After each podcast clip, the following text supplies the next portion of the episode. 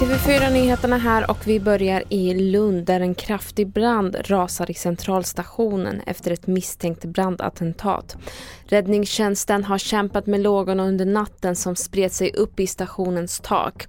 Ingen person har skadats och enligt Skånetrafiken påverkar händelsen både buss och tågtrafiken i närheten av tågstationen.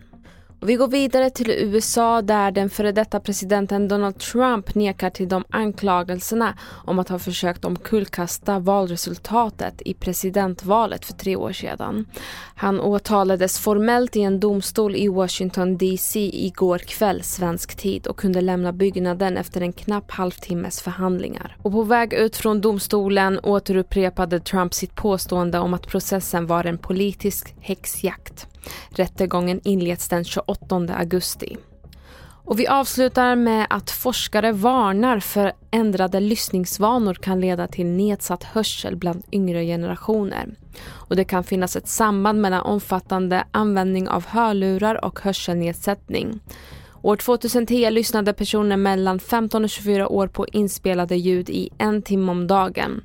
Och i fjol var siffran uppe på drygt två och en halv timme. Detta enligt en undersökning från Göteborgs universitet.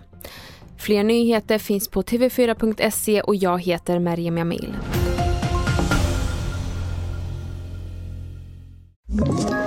Ett poddtips från Podplay. I fallen jag aldrig glömmer djupdyker Hasse Aro i arbetet bakom några av Sveriges mest uppseendeväckande brottsutredningar.